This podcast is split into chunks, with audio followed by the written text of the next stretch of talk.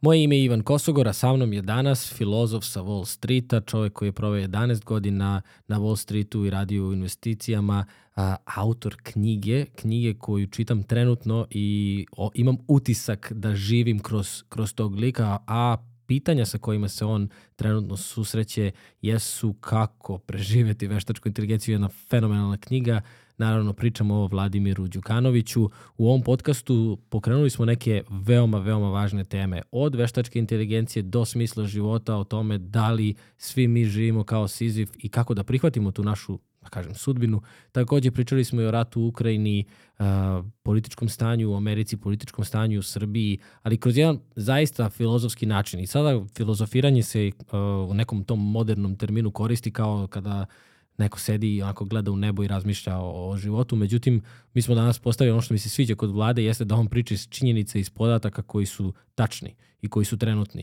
I kao neko ko je proveo 11 godina na Wall Streetu, e, jako je dobro potkovan brojevima i brojeve koje je danas prikazao, imam neki utisak kao da se nadvio neki crni oblak iznad, međutim, ovakvim pričama i ovakvim razgovorima mi možemo da pobedimo taj oblak. Pitanje koje postavljamo danas jeste Mm, da li mi imamo pravi problem i šta će se desiti sa civilizacijom ukoliko se ne pojavi neki zajednički neprijatelj.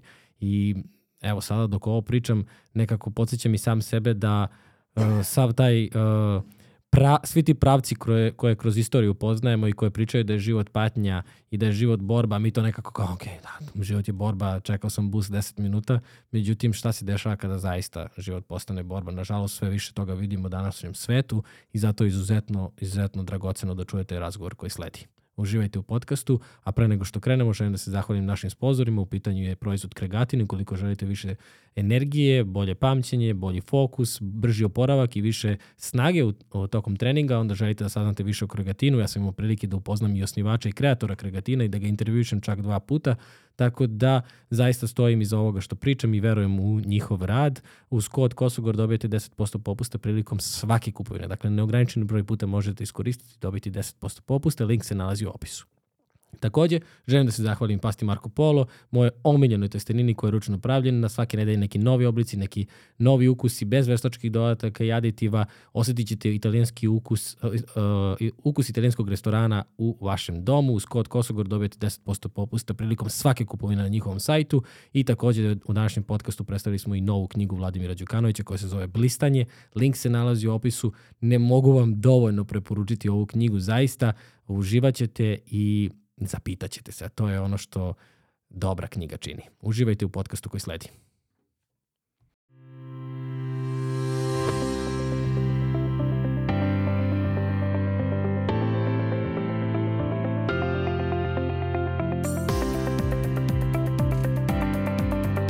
Ivan Kosogor podcast. Filozof sa Wall Streeta, tako ti piše na Instagramu, Da. autor knjige od pre koliko? Pa knjiga je bukvalno oštampana u ponedeljak. Ponedeljak. Danas Znači, je pre- petak. Pre četiri dana i trebalo bi, ja mislim, do danas, do kraja dana da bude manje više u svim knjižarama. To, ovaj, tako da je to nešto na čemu sam radio jako dugo, ovaj, zašto smatram da je tene- tema izuzetno bitna ovaj, i znam da gomila ove mo- moje, moje publike misli da je knjiga o investicijama, knjiga nije o investicijama, ali je, ja mislim, o mnogo bitnijoj temi trenutno nego što su investicije. Ti, juče sam preuzeo ovu knjigu. Ovaj, hvala ti na, na Naravno, da, domišljatosti. da, pa nema, mora. Ovaj, I ja sam počeo da je čitam uh, kao oduvan sam, kao jedva čekam da se završi sada moj radni dan danas E, dobro i, i da nastavim. I da nastavim. Da, znači, da. Uh, ja ću reći par Da. nekih stvari koje su na mene ostavile utisak. dobro. Neću da otkrijem, nemam ni mnogo da otkrijem, zato što Jasno. nisam došao do kraja, Jasno. ali ovaj uh, Vladimir, Rusija, Da. golf, pitanja da li, iz, da li nešto loše dolazi iz dobrih namera i odakle te dobre namere dolaze kao iz perspektive. Ti znaš možda o čemu pričam, možda da naslutiš, možda Da. ne. Da li odlučiti da se sve ili ne. Jako, jako zanimljivo. Pritom tvoj stil pisanja gde se vratiš u jednom trenutku u prošlost, pa Jest. opišeš šta oni vide kroz prozor, pa kao, znači, Da. bukvalno si me oduvao. E, super, drago mi vidi. Bukvalno. Ovaj, posle, kažem ti, knjiga je krenula, mislim, knjiga je stigla do, do čitalaca, prve narudžbine su ono krenule, da kažem, tamo u ponedeljak, utorak i tek juče su prve knjige stigle do ljudi, znaš. Ovaj, I za sad su reakcije fenomenalne. Ovaj, ja sam izuzetno srećan, naravno, ti, mislim, vidi, kada pišeš knjigu te vrste, to ti ja kažem, to je moje treće dete. Imam, ja imam dva sina, ali ovo mi kao treće dete. To je jednostavno jedna nevjerojatna ovaj, emocija gurnuta u tu knjigu i nevjerojatan rad. Ovaj, I ja se šalim, rekao, kada sam krenuo da, da pišem tu knjigu, ta knjiga je bila uh, knjiga, ta knjiga je bila naučna fantastika. Ali evo, došli smo do momenta kada moja knjiga nije više naučna fantastika. Jer kao što znaš, mislim, manje više gledamo chat GPT, gledamo veštačku inteligenciju, gledamo koliko je prisutna veštačka inteligencija. Znaš, svi se pitaju kao kada će stići veštačka inteligencija. Ona je oko nas već 10-15 godina. To je veoma aktivno. Svaki put kad otvoriš telefon, kad krenu da te bombarduju nečime, bombarduje te veštačka inteligencija. Nema ljudi više koji kuckaju pa ti predlažu kupeš ove patike ili ne znam da odeš na to putovanje. To ti govori veštačka inteligencija. Tako da je ono, mislim, ja to govorim kroz šalu, ali ovaj, nažalost sve se to menja jako brzo. Chat GPT je izašao bukvalno kada pre dva meseca i svi smo bili šokirani time. A u mojoj knjizi, kao što znaš, bukvalno to imaš, imaš jednu mrežu, imaš jedan praktično chat GPT koji postaje svestan i onda da ne otkrivamo dalje, što Da, kažu, da. ovaj, kreće, kreće opšti haos. ali ta a, povezanost filozofije, modern, o, upravo te veštačke inteligencije, a, opet vraća na ono ljudsko, na pitanje šta je svest. Da? Apsolutno. M, potpuno moderno. Ono, imao sam, imam utisak, ti, ti inače pišeš i blog, imam Da. utisak da čitam nešto što se trenutno zaista dešava. Znaš? E baš tako, da. Knjiga je postala, kažem ti, onako što kažu, znaš kako, imali smo sreće, a opet, ovaj, znaš, kad radiš mnogo, onda imaš dosta sreće, evo kažem, znaš, ne volim efekat sreće. Mogu slobodno kažem da ga prezirem. Ovaj, I eh, poenta je da jednostavno postala je aktuelna.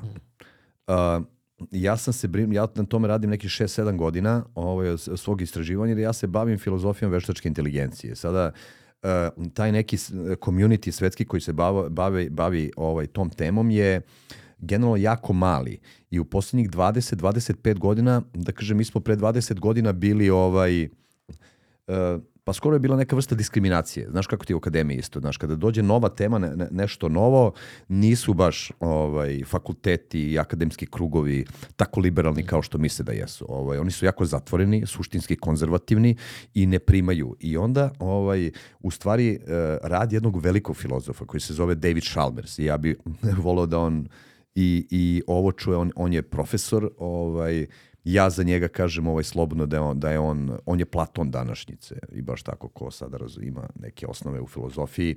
On je čovek koji je, ovaj, se bavi filozofijom uma i filozofijom veštačke inteligencije. I ovaj, njegova dela su eh, tu temu da kažem, gurnulo u taj akademski svet, što je izuzetno bitno. Znaš, izuzetno je bitno da ti, kada se baviš naukom i baviš se nekim istraživanjima, da to dođe i do akademskih krugova, ovaj, a inače tema postoji od nekih 60. godina. Od kada je, ovaj, kako se zove, veštačka inteligencija i ovaj, došla, ovaj, stupila na scenu ono, krajem 50-ih, početkom 60-ih, ali u početku je to, to je bila jedna onako underground zajednica, baš ono underground zajednica. Ti ljudi su pisali prvo ono, bukvalno uh, razmenjivali pisma, pa su onda po tim prvim mrežama, internet mrežama, mislim, intranet mrežama, da kažem, fakultetskim razmenjivali ta mišljenja i tako dalje i tako dalje. Ovaj, uh, da bi tek u poslednjih 5-6 godina to postalo stvarno aktuelno. Mislim, uh, ovaj, nedeljnik uh, Economist, The Economist, engleski ovaj časopis je predno 4-5 godina stavio tu temu na naslovnu stranu i to je bilo onako za mene neka prekretica, aha, ovo je sad postalo mainstream. Dok ljudi kao što su, na primjer, ovaj, uh, Elon Musk i, i, i dosta ljudi koji su tehnički u toj oblasti, uh, upozoravaju o ovome razvoju već desetak, 15 godina. Stephen Hawking, koji je, mislim, pokojni Stephen Hawking, koji je jedan od najbriljantnijih umova i jedan od najvećih teoretskih fizičara, je ubeđen da se ovo neće završiti dobro. I ova i moja knjiga jeste, da kažem, dramatizacija a, filozofskih radova, kao i onoga na šta nas ljudi koji su u toj tehnologiji briljantni ovaj, upozoravaju. Ono što je baš zabrinjavajuće, Elon Musk je opet bio u nekom, nekom podcastu, ne mogu se setim, pre desetak dana i on stalno upozorava na to uh, da države moraju sednu zajedno, da mora regulativa da se napravi ovaj, kako bi kontrolisali tu, tu tehnologiju. I posljednji put je rekao, možda je bio i kod Rogana, ne znam ja, ovaj, rekao je, uh, pa kao, ma ne, ne brinem se više. Kao, pa super, kao nešto je rešeno. Kaže, ne, ne, ne, ja, pomirio sam se sa sudbinom. I znaš kako, čovek koji, koji je napravio 3-4 revolucije tehnološke, kaže tako nešto, to nije baš prijatno za čuti. Ovaj, po meni je osnovna pro, problematika geopolitički moment i struktura sveta uopšte. To uh, podela na, na, na države, na nacionalne države i tako dalje, zato što će, uh, tebi će ovi blokovi, oni će se takmičiti u toj tehnologiji, jer će biti onaj moment, ja sam tvoj neprijatelj i ja moram ovo da guram bez obzira na konsekvence, jer plašim se da ćeš ti. Tako je bilo i u ovoj trci, u, u svakom naoružanju, pa i u nuklearnom. Ali nuklearno naoružanje je opet pod kontrolom ljudi. Opet postoje dva čoveka, jedan se zove Biden, drugi se zove Putin, ali opet su ljudi, je. opet možda pozoveš tog Bajdena to put da kaže, e, nemoj stiskaš to dugme. Ovaj, nažalost, e, ovoga puta imamo tehnologiju koja može da nam se totalno otme kontroli. I mi smo imali nekoliko primjera. Facebook je 2017. isključio jedan projekat, jer su ovaj, e, e, jer su dva sistema krenula da komuniciraju nezavisno na jeziku koji nije prepoznatljiv. Znači, dešavaju se iza zavesa uh, stvari koje jednostavno običnom čoveku su toliko uh, tehnički nedostupne da jednostavno jako je teško to razumeti. I onda moj, moj, moj nekako ono osjećaj je bio da, da tu prvu knjigu, taj prvi roman napišem baš uh, to je ta neka vrsta kako ga je, kako ga je par ljudi koje je pročitalo okarakterisalo uh, sci-fi filozofski thriller. Eto, ta, tako bilo. S tim elementom da možda više nije naučna fantastika. Eto, tako. Znači, ovaj, Znači, ovaj, misliš da je ova knjiga upozorenje? Misliš da treba u jednom trenutku da je obrišeš sa digitalnih med, ono, da veštačka inteligencija ne pročita tvoj plan? Baš tako, da. da. to mi je palo na pamet. Možda ću ja biti prva žrtva. Da.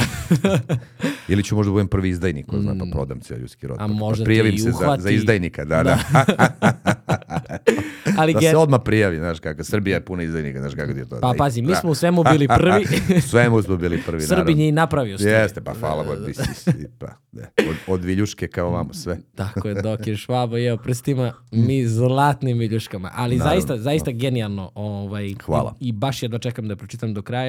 I ono, rekao sam ti i pre nego što smo upalili kamere, kao želim što pre da objavim naš razgovor, da bi ljudi što pre krenuli da čitaju. E, jer super. toliko uživam. Da. Zaista, hvala. od srca. Hvala. A, rekao si da su ljudi očekivali da će ovo biti uh, neka knjiga o investicijama. Naravno. Uh, ti uh, kada dođeš u neki podcast ili u neki razgovor, prosto ne može da se ne pomene Wall Street. Naravno. Ja sad imam dosta laičkih pitanja. Slobodno. Kao neko ko je završio bankarstvo, imam neko znanje osnovno u tom svetu kako funkcioniše. Međutim, zanima me kako izgleda život na Wall Streetu. E, pa vidi onako, znaš kako, to je uh, generalno to je neka vrsta, ja volim da kažem, ubrzanog korporativnog života.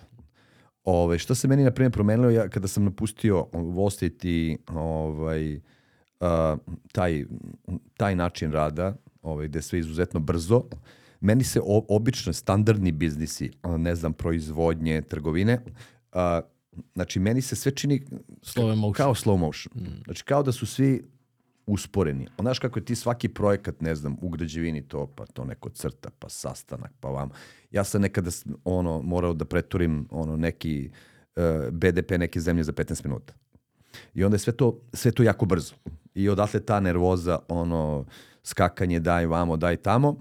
I sa druge strane, znaš, ono što, što je da kažem, predstavljeno u medijima i u Hollywoodu je samo taj deo znaš kako ti trading ide. Trading i trgovina ide otprilike, naš tržište se otvori, ne znam, u pola devet i onda ti pola sata je haos. Kako se razumete vi u tom haosu? To je ono što me zanima. Pa vidi, to je umetnost brzina. Brzina.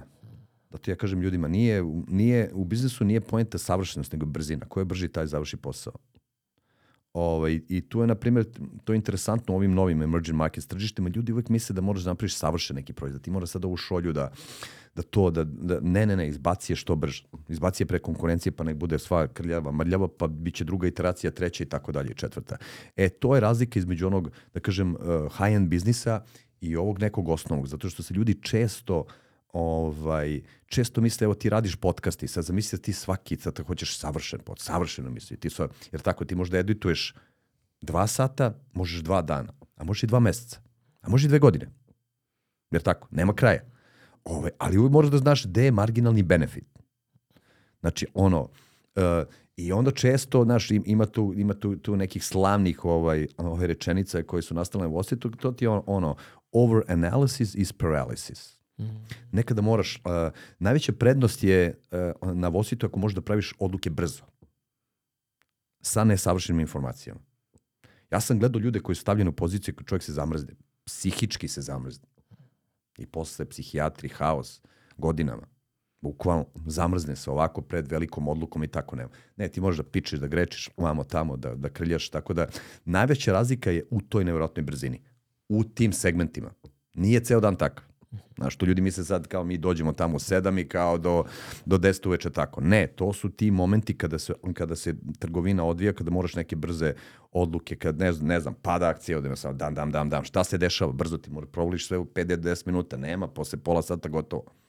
Ovaj, I tako ti ne, i, i trading volume ti ide tako. Znači u početku onako je veliki skok i onda ti vidiš oko ručka ništa, naravno. Pa što, pa ljudi jedu.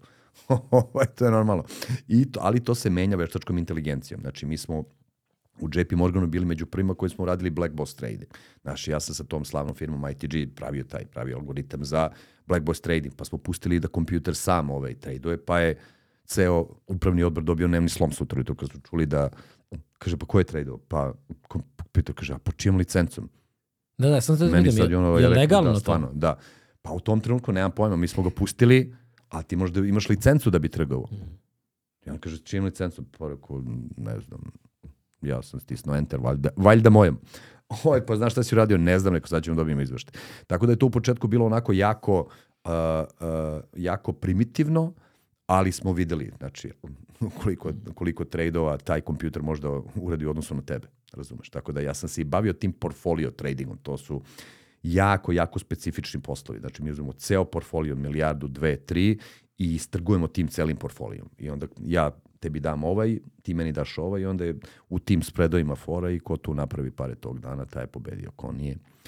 Koliko se tu para obrne u toku dana, sad kad si rekao to? Pa na našom desku se, se svakodnevno obrtalo po 5-6 milijardi minimum. Da, da. To duše, rekao si malo pre da si obrnuo da, da. BDP jedne države. Da, da, da. Koje, koja je najveća odgovornost zapravo? Do koje si ti u stvari, ti si bio 10 godina Ja sam bio 11 godina u 11. JP Morgan, da. I onda sam posle toga prešao u jedan fond koji se zvao John Levin Company, tamo sam bio neki godinu dana, onda je on otkupljen od nekoga, mi smo stvari otvorili njima, ja i moj kolega, ovaj, uh, kancelariju u Londonu, ovaj, ne bili radili biznis u Evropi, onda to za godinu dana se prodao fond, odatle smo, onda smo 2006. Uh, on i ja otvorili naš fond, hedge fond. Na, na Wall Streetu, koja je bila najveća pozicija koju si koji si ostvario i koja je tu odgovornost zapravo? Pa, zanima znači, me... na Wall to generalno vidi u velikim bankama koja je tu razlika. Ti si u velikim bank, bankama, ti si deo korporacije, ti si deo te strukture. Znači, ja sam, ja sam bio, ja sam vodio equity derivate za JP Morgan Asset Management i to je ono, tako da imao sam kontrolu svega toga, ogroman, ogromne cifre, koje su se vrtile, takođe i ogromne commission, znaš, mi smo plaćali preko 300 miliona dolara samo u commissions, znaš, svake godine, tako da to su ovaj, samo one, ona provizija 0,01% izađe na 300 miliona, onda možda zamisliš koliki su valjumi. Mm. Ovaj, ali je velika razlika, znaš, ti kad pređeš u svoj fond imaš mnogo manje malo pa, mnogo manje para tamo, ali onda ti si, razumeš, vlasnik, da kažem, tog upravljačkog me, uh, ovaj, menadžmenta, dok si u korporaciji jednostavno radnik pa menadžer, ti znači radiš za shareholder. Mislim, ja sam, jako brzo postaneš i ti shareholder i danas sam shareholder ovaj, JP Morgan, naravno, to, mislim, to tako ide ovaj, generalno. Ovaj, I jednostavno radiš za korporaciju koja je na berzi, znači kao da radiš za nekoga, znaš. E, onda je razlika kada otvoriš svoj fond, ti si vlasnik tog fonda, to je, ti si partner u tom fondu, imaš koliko god imaš Ovaj, to je, to je generalno razlika. Čoveče, koji je to svet, a? Koliko dugo se u proseku neka osoba zadrži na Wall Streetu? Ili Je neko ceo radni vek tamo? Ili... Pa zavisi neko, neko jedno vreme, neko pola radnog vremena, meni je bio taj target nekih tako, nekih 20 godina otprilike, onda malo sam i ranije izašao. Ovaj, mnogo tradera umiru rano od srčanih udara. Pa konstantno je... Da. I onda tako i moj, nažalost, pokojni šef eh, Fred Laxo, vele, legenda, je preminuo u 48. godini, da, od masivnog srčanog udara. Ovaj, jednostavno ta tenzija onda ovaj, alkohol je tu veliki problem, naravno, zato jer ti ako rintaš ceo dan, to je napeto se, onda, onda čaša je tu ovaj, čaša je tu uvek eh, kao veliko rešenje i onda se izlazi non stop i tako dalje i onda taj i onda dosta, dosta ljudi koji su naročito u traderskom poslu napuste, odu, u, uzmu neke pozicije koje su povučenije, upravni odbori i tako dalje. Samo je uh, poenta ne, bit, ne biti u, u toj operativi non stop. Da. Ti si kao klinac otišao u Ameriku. Ko, Sa 19 godina, da. sa kojom idejom? Pa sa idejom, vidi, sa idejom da je ovde bila 92. godina i da su i da se ovaj Jugoslavija raspala i da je bila totalna katastrofa, da je Milošević bio na vlasti, da je to bilo jedno neverovatno zlo, da su ti ratovi bili ovaj totalni pakao, totalni nepotrebni, nepotrebni ratovi koji su gon, mislim, svi su tu svoje prste ovaj imali i ovo jednostavno nije u tom momentu nije u Srbiji bilo budućnosti. I bio sam upravo, ja sam video, i ja sam otprilike rekao ljudi sledećih 10 godina ovde nema ništa. Ovaj to je bilo jasno. Bukvalno sam imao opciju ili da postanem kriminalac ili da ovaj ili da ili da idem. Šta ti je, ajde, zanima me sada, ja živim trenutno u Americi, pa Amerika je ono, potpuno drugačija nego te 92. i Da, da, 2002. i 2017. Da. Ovaj, nego što je danas, ali ovaj, te neke razlike, osnovne razlike koje si ti primetio ovaj, između života u Srbiji, mislim, vratio si se definitivno da je nešto prevaglo ovde, ali ovaj, razlika između, između Srbije i Amerike iz nekog tvog ugla.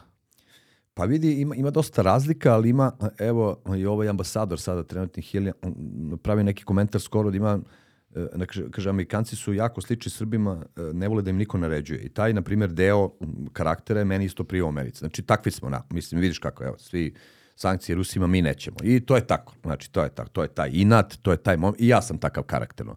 Meni je i trading prijao zato što taj karakter generalno možda nekim drugim korporacijama i ne bi bio ovako tako prilagodljiv, ali u u tradingu gde onako gde, gde se da kažem poštuje agresivnost i brzina to je ovaj dobra stvar. Znači tu ima dosta nekih sličnosti. Radne navike su ovaj velika razlika, velike razlike. Ja bih voleo da Srbija ide ka radnim navikama ovaj Amerikanaca. Jednostavno kod nas je a, način kako, kako, je, kako je naše obrazovanje ovaj, strukturirano i sistem iz koga dolazimo, taj komunizam, je jednostavno bio takav, ono, radio ne radio, svira radio, znaš. I to je bio ogroman problem, znaš, to je bio ogroman problem, ja sam tek preko nekih ovde starih komunističkih direktora skontao uh, uh, cilj američke korporacije je profit, isključivo profit. Cilj socijalističke korporacije je zaposliti ljude. Znači nije bila poenta da Simpo u Vranju bude profitabilan, nego da zaposli maksimalan broj ljudi. I to je legitiman cilj isto tako. Mislim, ja sam dugo, ja jesam, ono, veliki sam antikomunista, ovaj, ali taj deo je legitiman, ono, za društvo, ali tako? Ajmo da zaposlimo ljudi, to jeste osnovna stvar. Ja smatram dalje da, da kapitalizam to radi jako bolje, jako efikasnije i da su plate veće zato što je ekonomija efikasnija. Jer ti kada samo zapošljavaš ljude, znači, gde ti je novac za investiranje, gde ti je, pojedete konkurencija, to je problem sa tim modelom. Ovaj, Simpo je inače, na primjer, savršen primer, jer je Simpo 80. godine bio duplo veći od Ikea. Na primjer. I to niko ne zna. Gde je sad Ikea, gde je Simpo. Ovaj razlog je i, mislim, razlog su i ti ratovi, sve to, ali fund, fundamentalni razlog je zato što su oni, uh, uh, uloga Simpa je bila da, da po- zapošljava sve ljude u Vranju, u Vranjskoj banji i okolini. Tako da to je, znači radne navike su uh, neki osnovna stvar što bi ja rekao, ugledajte se na Amerikance, Srbi. A druga stvar koja je kod nas bolja, jednostavno porodični život je daleko bolje ovde i kvalitetniji. Znači, to nema, nema bez premce. Evo, kažem, što si ovde prvo i osnovno, teo sam ovde da podignem decu. Ne bih imao decu. Ja mislim da ne bih imao decu. Čak sam u jednom trenutku ovaj, bio odlučio da nemam decu u Americi, kao jednostavno. Tako je, što mislim bilo besmislena ideja, ovaj, smatrujući koliko mi je sad dobro sa decom, porodicom, ženom i tako dalje. Ovaj, jednostavno, taj moment u Americi je postao eh, izuzetno komplikovan. Izuzetno komplikovan. Znaš kako oni se takođe profesionalno seljakaju. Ali, znaš, ja ne mogu ljudima da objasnim da je da je, da je odavde do, do, do Švedske dva i po sata leta, da je između Njujorka i, i, i LA-a pet. Znaš, ne mogu ljudi da skontaju kolika je Amerika. I onda ti, m, ako si, znaš, ne znam, u San Diego i tamo ti je porodice, sad vi se preselite u Chicago. Pa to je ćao. Kao da žive, kao da tvoji žive u Švedskoj. Znaš. I onda taj porodični život jednostavno je dosta, dosta komplikovan. I onda tamo su deca kao neki projekat, to sam rekao nekoliko puta. Znači, deca su bukvalno kao neki projekat, to mora ta škola, mora ovo. Kod nas ono imaju dalje, pa i ne mora ta škola, jaka stvar. I, ovaj, I sa tim sam se na kraju složio i to mi prija ovde. Druga stvar, ta društvena, ta socijalna mreža koja postoji kod nas. Od ovog kilovog zdravstvenog osiguranja, ja kažem, kako je meni jedan moj drugar, ovaj Amerikanac, e, e, David O'Connell rekao, koji inače odrastao kao jako siromašan ovaj, u Americi, odrastao je to na, to na tom njihovom društvenom dnu. I mi prolazimo ovde, e, vidi kako su naše bolnice izdrndane, vamo tamo, on kaže, vidi, ja kad sam bio dete, ja samo da sam imao ovaj, zgradu na kojoj piše bolnica, kaže, ja bi, ja, ja bi imao totalno drugačiji pristup prema svemu tome. A kaže, ja nisam imao. Ja nisam mogu se lečim nigde. Ovaj, tako da, znaš, taj moment da mm, kilavo je nikako je ovako i tako, ali na kraju poslednji, poslednja osoba na ulici ima pravo na to zdravstveno ovaj, osiguranje, taj moment i taj, kažem, ta, kažem, društvena mreža koja te hvata, to je porodica, prijatelji, selo, jaja, kupus, ovo, ono, sve to, ovaj, ne treba to pocenjivati. Jer to kada si negde i ti imaš i ne znam i mnogo para i sve ti je super, ali nema, a evo ti, ovaj, ti, ti supruga ste sada skoro dobili bebu. Biti sam sa bebom je jako komplikovan. Jako se brzo dođe do razvoda. Zato što je tenzija neverovatna. Nema ko ti pomogne. Ako nemaš podršku. Pa, ako nemaš podršku, ma možeš ti platiš Boga oca, kako će ti bebo od četiri meseca sad dođe stranac na oglas kao evo i vas dvoje se okrenete i odete. I, ali to mi, Umesto da to radi njena mama ili tvoja mama. Ili, mislim, to su ljudi izuzetno bitne. Mi smo i dalje plemenska bića, koliko god mi eh, hteli, mi smo i dalje homo sapiensi, životinje koji imamo neku strukturu uh, inst, instinkta koje to traži. Znači, ta beba traži to što traži. Taj, ti možeš sad da izmišljaš i da mečku rađaš i da napriš kuću od milion kvadrate, tamo 15 žena, da bude nekih petih. Ne prija to nikome. meni sad nezamislivo da neko dođe, neka babysitterka da čuva Vuka.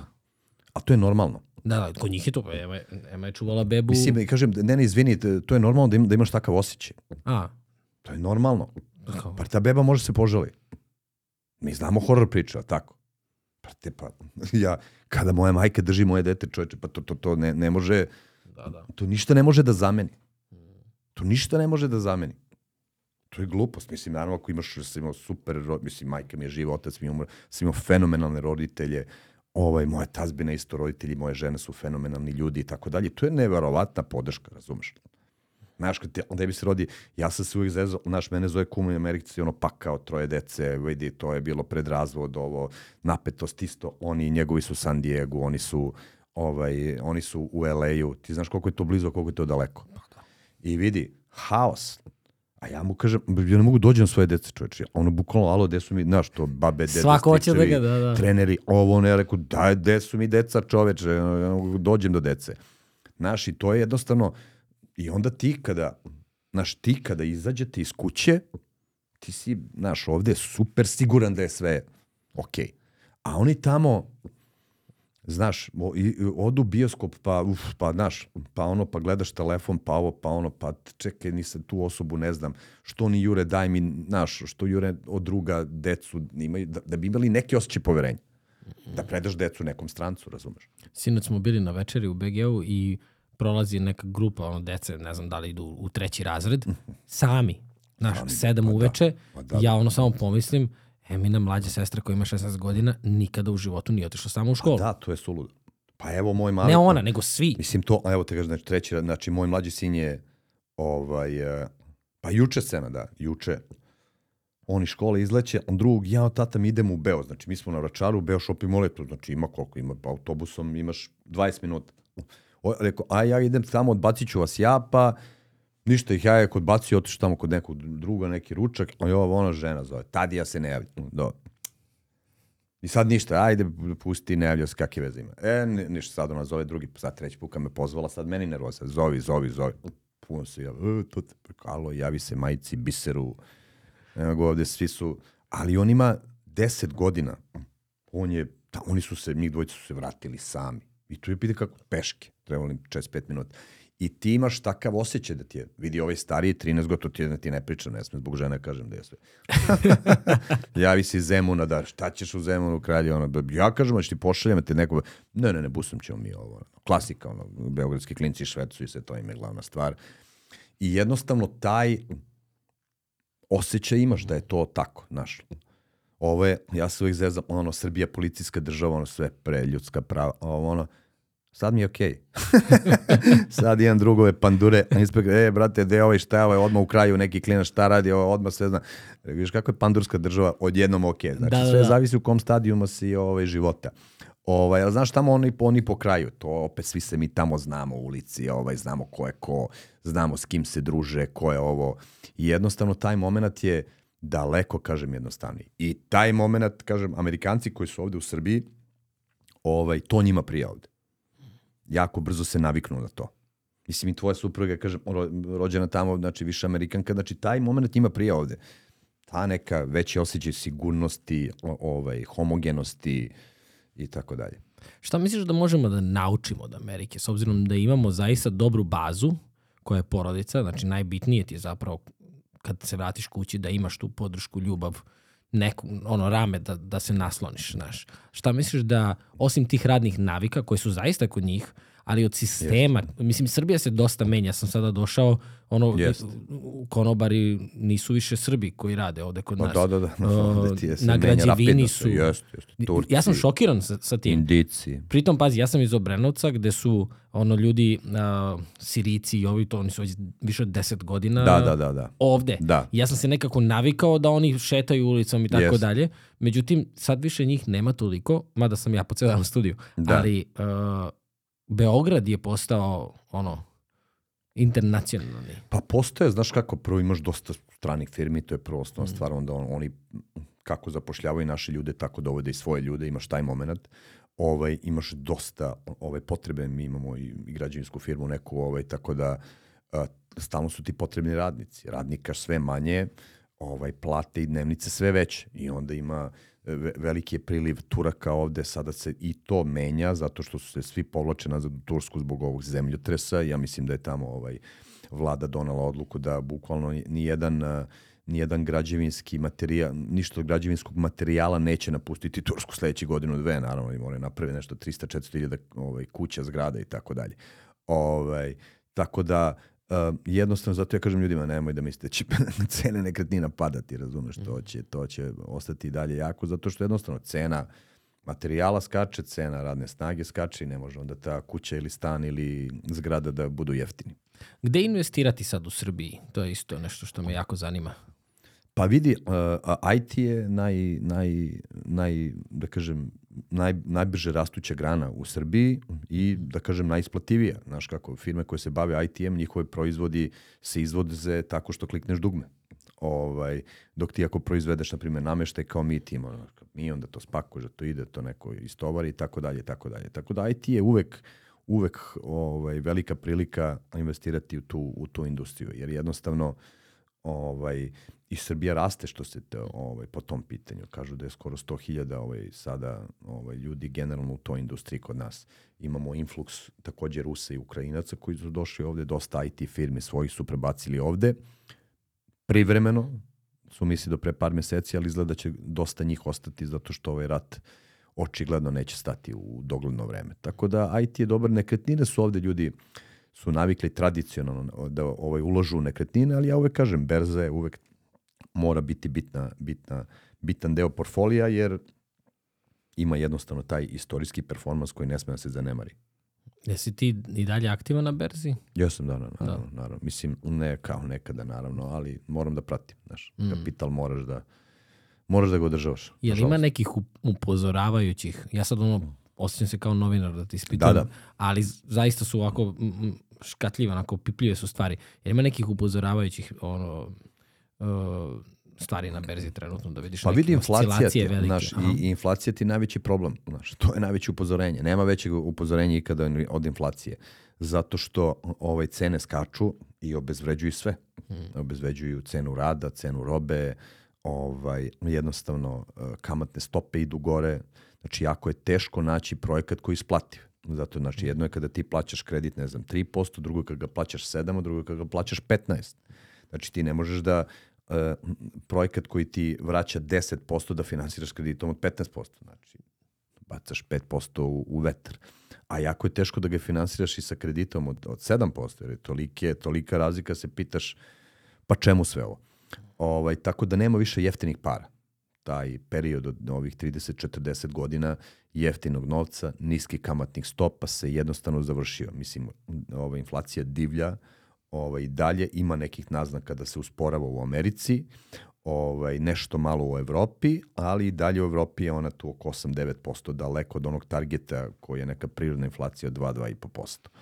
Ovaj, tako da je to, po meni dok traje ovaj rat neće se tu ništa e, ovaj, promeniti, jer evo sada smo došli do tog momenta kada je godišnjica rata, jer onda je bilo ok, skaču cene zbog toga, logistika je e, narušena, ne možeš da obaciš ni hranu, ni energente, efikasno kao pre, cena mora da skoči, ali sada evo vidjet ćemo kada dođu mart, april i maj, kako se to poredi. Jer nekom logikom, ok, skočile su cene, našle su svoj e, plato i sad opet cene idu normalno tu 2% godišnje. Ako i dalje vidimo, znači u martu 6-7% u Americi, 8-9% u Evropi, to je i dalje ozbiljan problem. Ozbiljan problem. Jako je teško, ljudi me uvijek pitaju kako investirati u inflatornom okruženju. Teško. teško. To je ko, ko pitaš kod, ne znam, kod imaš neku strašnu bolest, kao kako da je rešim. Pa, pa teško. Sa, a cash ne, ulazi, ne dolazi u obzir ili misliš da će Pa se vidi, otvoriti? keš je, keš je problem, sad držiš keš, on za, evo, ako Gubi ti vrednost. inflacija 8% za godinu dana, ako imaš 100, imaćeš 92. To je veoma, veoma jednostavna matematika. Kako? Pa ako si kupio 100 kafa, sad možeš 92 kafe kupiš. Ovaj, I to je jako, jako, nažalost, uvek naj, da kažem, najsiromašniji slojevi uvek najviše pate u inflaciji, jer njima nekom srednjem, srednjem, višem, bogatom sloju ni nije ni bitno da li je hleb na, ne znam, 50 ili 70 dinara, ali nekom najsiromašnijem sloju je izuzetno bitno koliko je hleb i koliko je mleko i koliko je ulje i tako dalje i tako dalje. Da, da, uvek se ti naj, najsiromašniji, najniži slojevi zapravo i brišu. Da, da. Tim. Pa ima jedna, jedna, jedna, jedna nesrećena izreka da je inflacija porez na sirotinju. Mm.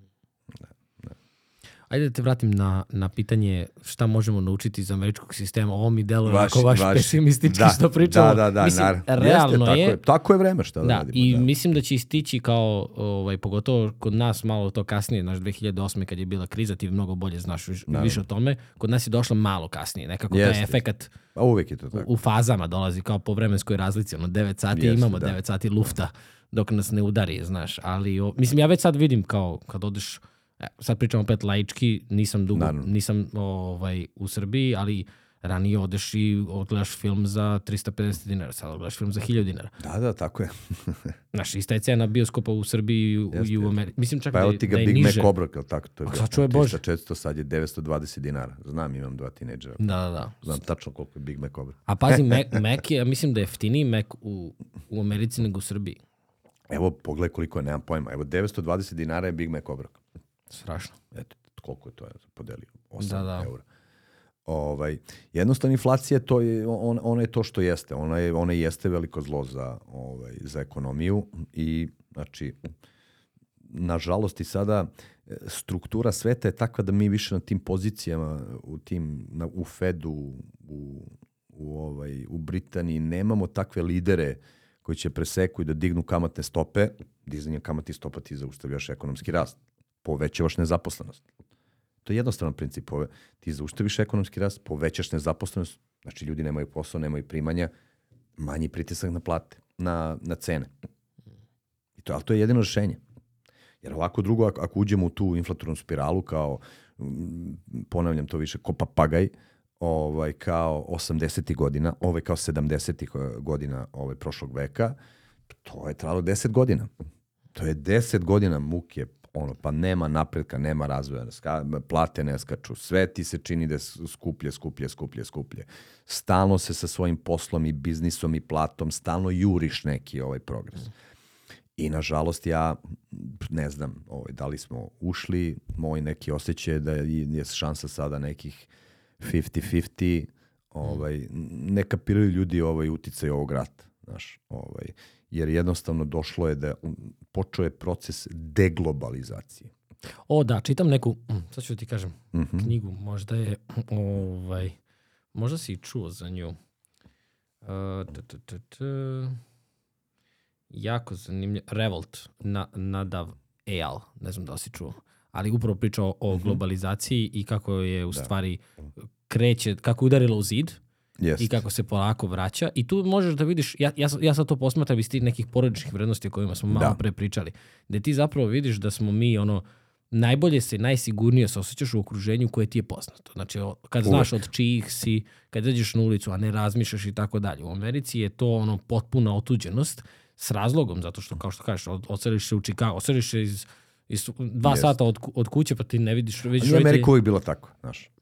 Stvarno, znaš. Mm evo kaže, ovaj, jedan moj prijatelj koji ovde sada, mislim, ima neki startup i ovaj, koji je San Francisco, pričali smo malo pre o njemu, znači, ovaj, on kaže, znaš kako je, meni je sad u Srbiji kao, kao u Americi 80-ih, 90-ih, znaš, ovaj, ja sam uh, na fakultet stigao od 92. u Indijanu.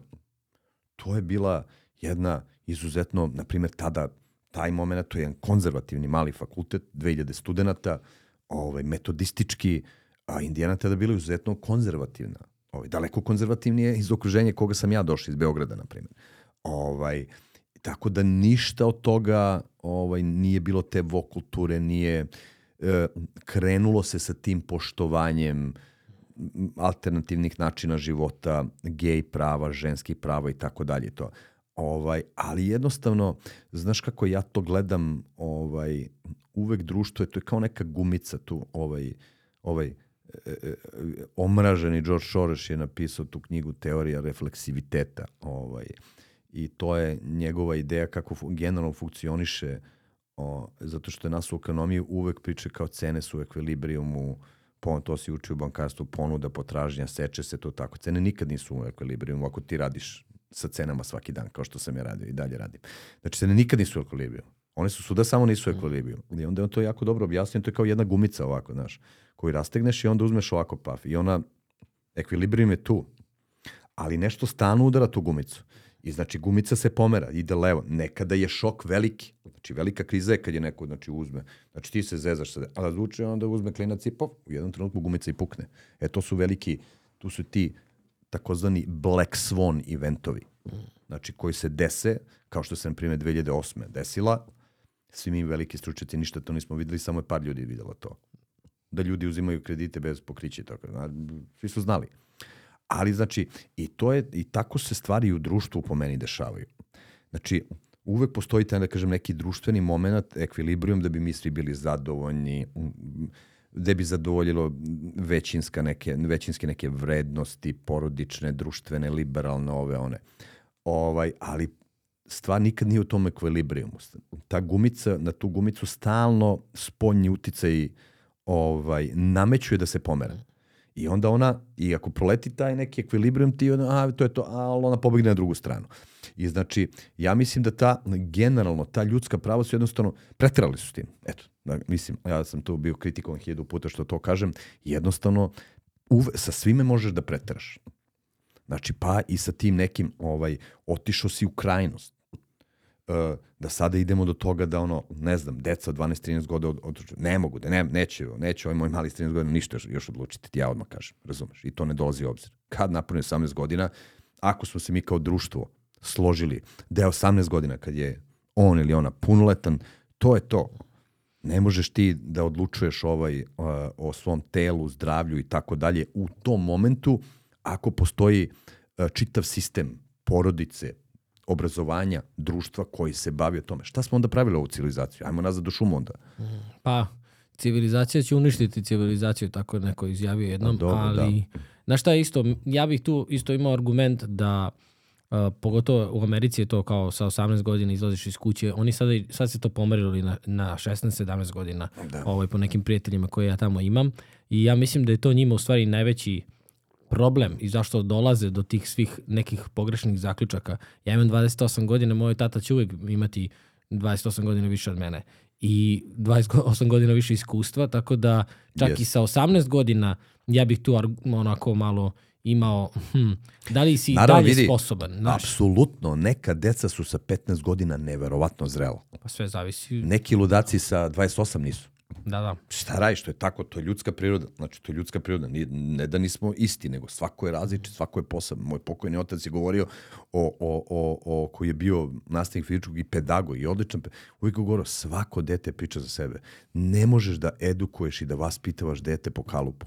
Svako moraš da priđeš, svakome. I zato su ga ljudi voleli i pominju ga danas. I razni taksisti i razni ljudi koji me sretnu kad čuju da mi je ovaj kom je otac, ja, i pa znaš ovo, ja nisam imao oca vamo tamo, zato što je svakome pri, pri, prilazio na ovaj takav način. Jesi mangup, jesi mangašo, e, sad ću ja ovako s tobom, jesi nežan, drugačije, ovako, drugačije. Znači, to je, to je cela poenta. A mi uvek, naš društvo uvek pokušava da ukalupi stvari. Zašto? Pa zašto je lakše. Lakše, da. Jer tako, evo mikrofon za mi sad, lakše je da proizvedeš 100 ovakvih istih, nego aj sad svaki drugačiji, ja bi ovaj, ja bi roze, ja bi ovaj. Znači, to je jednostavno. I ti tim ukalu, pokušajem da ukalupiš ljudi konstantno, konstantno stvaraš te društvene probleme. O tome je još Freud govo- govorio. To je taj slavni social discontent. Što mi živimo u društvu, a gomila ljude se osjeća nelagodno.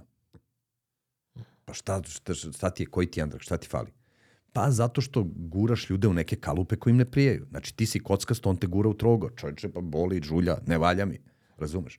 I to jeste problem civilizacije. Mislim, ja se uvek sprdam. Ovaj, nikada mi nije bilo jasno zašto je Znaš, ti kada kažeš civilizacija, civiliza, civilizacijski ovaj, projekat, neko je civilizovan, je to, uvek pozitivan kontekst. Pa ja kažem zašto?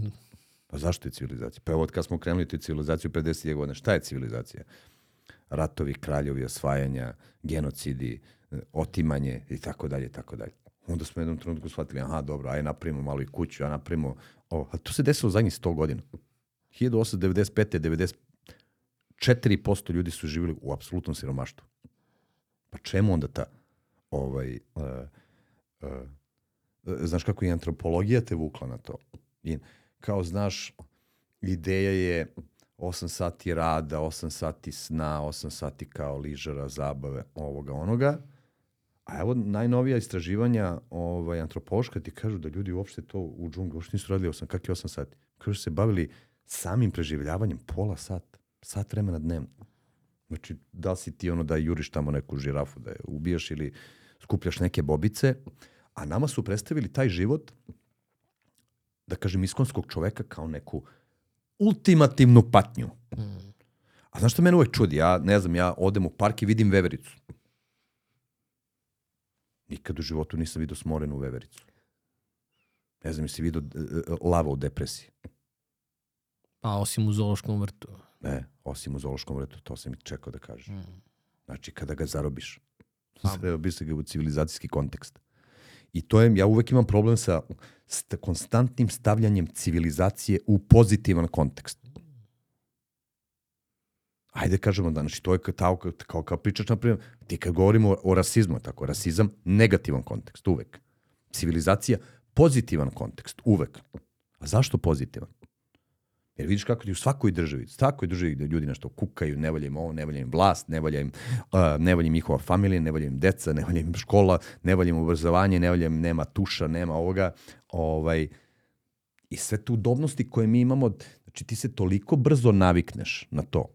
E, Onaj stand-up comedian Louis C.K., verovatno ga, ne znam da li ga pratite, ovaj, američki, on je, ima e, nevjerovatan bit neki, ovaj, kada kaže koliko se ljudi brzo naviknu na komfort, kaže ne sam letao, sam bio sam neku letu i to je bio kao prvi let internet. Oni su, je imate sad internet, ovo ono, slobodno.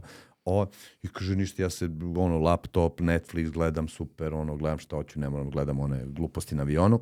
I, ovaj, I u jednom trenutku nestane internet.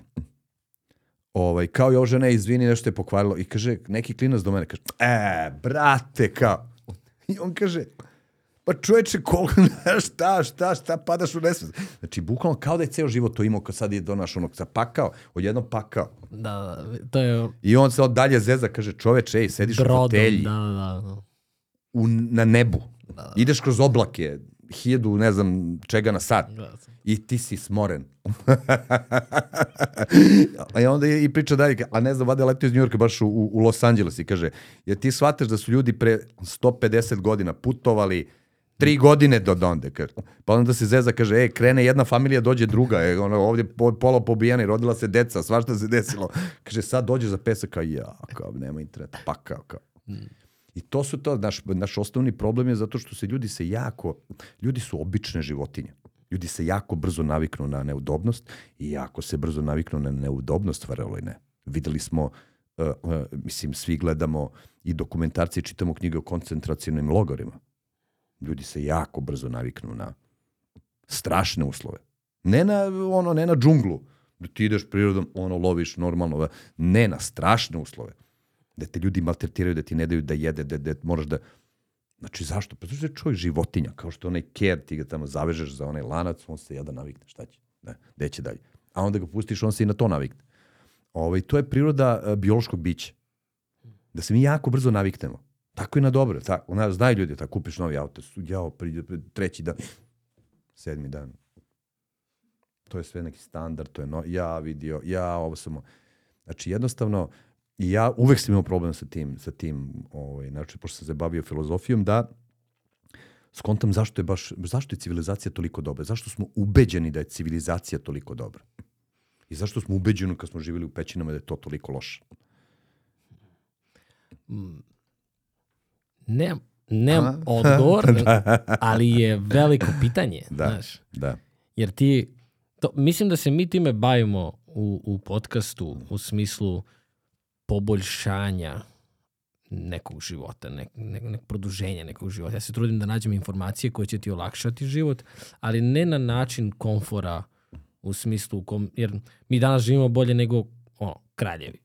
Ti sada To je sve jasno kao dan. Da. Znaš, a podrazumeš, ima jedno pitanje, to sam čitao, mislim Harari, ne znam da si čitao Harari. Kako ne da? Yes. O, mislim da je on to rekao da kada bi svakom dao, ne znam, hiljadu i po dolara mesečno za 6-7 godina, to bi se toliko podrazumevalo, kao recimo danas što svako ima, ne znam, zdravstveno ono, Apsolutno. a žali se. Znaš. Da, apsolutno. To Šta bi misliš bilo, da nam je to bi bilo bez potrebno? veze ovo. ono. Molim? Šta onda misliš da nam je potrebno? Šta, nam, šta je to što nam fali iz, iz filozofskog ugla? Pa vidi, po meni, uh, ja sam egzistencijalista filozofski. Znači one sartrovske, kamijevske i nekako Sorena Kierkegaarda ovaj, varijacije. Ovaj, zašto je meni egzistencializam bitan? Pa bitan je zato što ono, da svet nema nikakvog smisla nekog pretrednog filozofskog misleno, ono, neke, ovaj, pričali smo malo pre o svesti, mislim, čemu svest? Čemu uopšte svestan? Kamen nije svestan, planeta nije svesna, galaksije nisu svesne, pa su tu i idu nekim svojim putem. Ovaj, egzistencializam je meni pomogao od mojih 20. godina da se da se oslobodim nekih, nekih da kažem, jara, tog nekog jarma društvene muke. Uh, I ti kada si, zato je ovaj Kamijev esej uh, ovaj, o Sizifu po meni fundament svega. Jer, na primjer, ljudi uvek, znači, ka, jer tako ti radiš nešto, jer tako ti radiš, radiš, evo ta knjiga, te radiš, radiš. Znači, guraš te kameno s tobom, da guraš, guraš, guraš, guraš, i onda dođeš, završiš i onda moraš pišeš sledeću knjigu. Nema tu nikakve ekstaze. Jako je kratka. Ništa, taj, samo se kamen otkotrlja na drugu stranu brda. I onda ti spustiš i onda opet gore, gore, gore, gore, gore, gore, gore. A, I po meni taj način razmišljanja je jedini ispravan. Jer jednostavno svet oko tebe, nauka, ti ne dozvoljava. Mi smo bili jako dugo antropocentrični, danas smo. Znači, mi smo bili centar sveta, svako, do, do pre par stotina godina. Zemlja bila centar kosmosa, čovjek je bio sveto biće, onda smo otkrili da je kosmos ogroman. da smo mi ništavni i totalno nebitni u celoj priči. Izvin. Ovaj, totalno nebitni u celoj priči. Izvini sam. Popi, popi vodu. Hoćeš još? Dobar si? No, dobro sam, da. I ovaj, i jednostavno, svako drugo razmišljanje, ljudi se uvijek čude zašto ljudi beže u religiju. Što je logično. Jako je teško uh, razmišljati kao egzistencijalista. Pa onda možeš kaži čemu deca, čemu žena, čemu sve, čemu, znaš. Jednostavno je tako. I onda ljudi traže uh, jednostavnije rešenje. Znači ti ne znaš, ti ne možeš se izboriš sa kosmosom, ne možeš se izboriš sa kosmologijom uopšte. Ovaj, I onda je lakše, aha, tu je ne, neko veće biće, pa ja verujem to, paf, rešenje. I meni kao nekom koji je agnostik, nisam religiozan, ovaj, ali to mi je jasno, znaš. Meni je jasno zašto su ljudi religiozni. I zašto je 94% ovaj, populacije na svetu religiozna. Zato što je to normalno rešenje za ovu ograničenu ljudsku svest. Apsolutno normalno i racionalno. Racionalno. Iluzije su često rešenje racionalno. Kako da rešiš taj problem? Ovaj, tog osjećaja. A po meni, kažem ti, egzistenci- egzistencijalizam kao takav, još je Soren Kierkegaard uspeo to sa nekim hrišćanstvom, sa tim nekim osnovnim ovaj, merilima ovaj, i vrednostima da pomiri.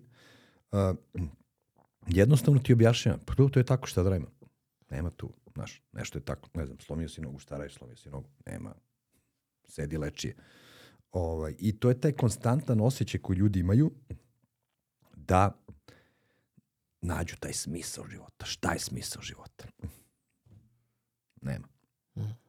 Nema ga. Smisao I onda je sasvim normalno da ti kažeš, deca su mi smisao života. Legitimno. Uh, podcast mi je smisao života. Uh, književnost mi je smi- smisao života. Pare su mi smisao života. Uh, trke, auto su mi. Sve je to legitimno. Bog mi je smisao života. Hrišćanstvo, budizam, islam. Sve su to legitimna rešenja unutar jedne fino spakovane iluzije. Ali misliš da je smisao, o, pošto je nekako pod nekim imperativom upakovan, da mora da postoji jedan, znaš? Jer ti sada si naveo nekoliko, sve može da ti bude smisao. Naravno, Naravno, kada sve, si sve. s decom, deca Da, su smisao. Kada si sam, sam Možda imaš četiri smisla, naravno, kako da ne. Kako da ne. Pa ti možda budeš, ne znam, pa evo, na primjer, da budeš vrhunski podcaster i vrhunski otac i mm, vrhunski da, ne znam, i, mm, igraš golf vrhunski. Što da ne. Ovaj, naravno da možeš.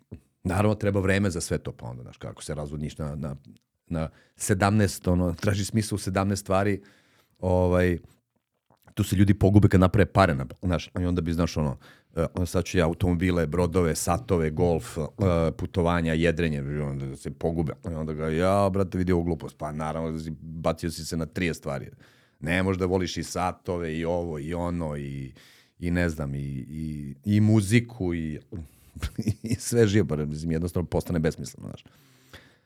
Je ljudi traže, ljudi, ljudi instinktivno jure taj smisao. Pa to mislim da je ono, ono pitanje o civilizaciji. Mislim da mi i dalje tražimo.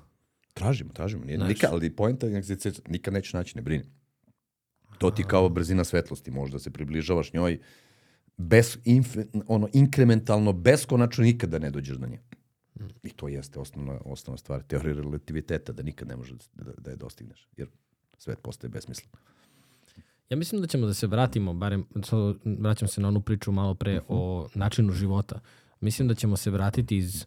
To, to je jako zanimljivo. Pre, pre neki dan sam u podcastu ovaj, to prvi put rekao, pa mi je bilo kao wow, kao, znaš, da mi zapravo o, opisujemo uh, gradove kao brze, sela kao spore. Međutim, isti ljudi koji odu u grad, oni žive brzim tim, znaš, u Njorku si živeo, vratio Hvala si Bogu. se ovde, je druga priča. Da, Znaš, da se mi zapravo prilagođavamo jako brzo, jako brzo. međutim, ne znam koliko je, mm, znaš, ra- ranije, ako je neko sa sela pa ga roditelji guraju, idi ka gradu, razumeš, tamo ti je budućnost i tako naravno. dalje. Pa to je bio trend. Sad isti ti ljudi pričaju, sva deca su nam otišli iz sela. Da, pa naravno, pa vidi, normalno je, ovaj, normalno, to nije trend samo kod nas, to je sve. Svuda, vidi, da. Pre 300 godina, ono, svi su živjeli po selima, jako malo ljudi po gradovima, sad je obrnuto. ovaj, gradovi su konforniji jednostavno i za život, tu su ti sve usluge, tu su ti svi restorani, tu su ti svi, sve zdravstvene, uh, zdravstvene ustanove, lekari, tako dalje, tako dalje. Sve jednostavnije, nemoj da se lažemo. Ali Znači, to nije to. Ali, na primjer, ljudima to nije to. I onda, vidi, svako bira, kažem, svako bira svoj moment, svako bira svoju priču, da. Tako da, ono, ja mislim da, da glavna stvar e, za svakoga, kažem ti, juri svoj smisao. I nemoj brine što, što stalno imaš osjećaj da ga neće stići. Nećeš stići. Pa, pa, pa šta imaš ono, mil- milijardere i je dalje kao juri. Zašto? Pa to je njegov smisao. To je sasvim legitimno. Kao što imaš ono, ne znam, Novaka Đokovića koji je pobedio sve živo i dalje hoće da igra, to je smisao njegovog života. I to je apsolutno legitimno. Da on juri dalje taj neki Grand Slam, još jedan, da, da, da, i tako je. A zna i on, kao svi zna, ko svako je pobedio neku utakmicu ili turnir, zna, e, sutra ujutro se budiš, ja, sad sve, ajmo od početka. Da, da, dopamin koji je bio. ovo. Da, Šta je, a, šta si pokušao, da, hoću da se vratimo na knjigu. da. Šta si pokušao sebi da odgovoriš u ovoj knjizi? Pa sebi sam pokušao da, da, da, da odgovorim ovaj, kuda ide ova tehnologija.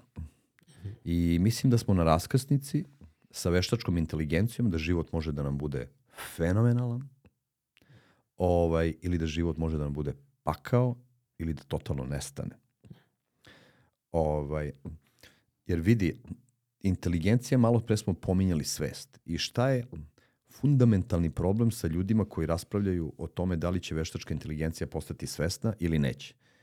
A, I u tome je ovaj, ovaj profesor m, Chalmers napredan, jer on, mi ne znamo šta je svest. Mi, nauka je na određenom nivou, mi veze nemamo šta je svest. Šta je ljudska svest.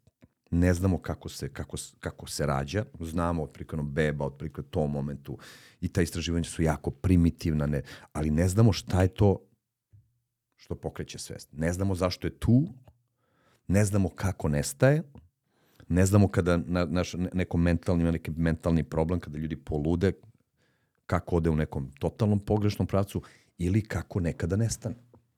Ljudi upadnu u komu. I dalje neobjašnjivo često.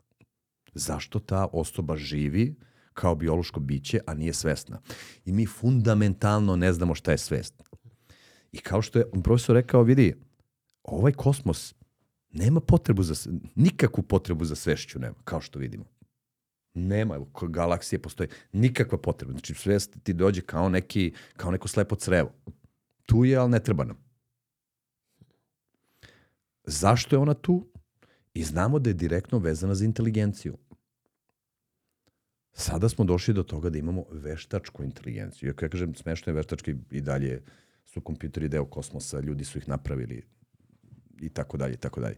Ovaj, možda ta svest jednostavno se produ...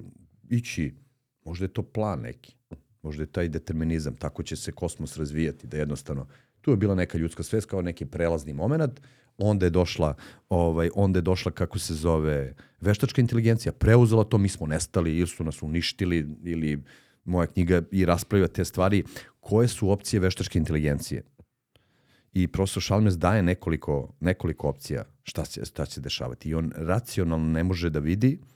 Uh, ti kada filozofski prođeš i, po, i poređaš validne, logične argumente, jako je teško videti šta ćemo i mi ako dođu do jednog momenta, je tako? I onda onda kaže, znači, možda nas zadrže kao, kao što mi držimo to glavo. Stave nas u zoološki vrt kaže, vidi, vidi homo sapiens.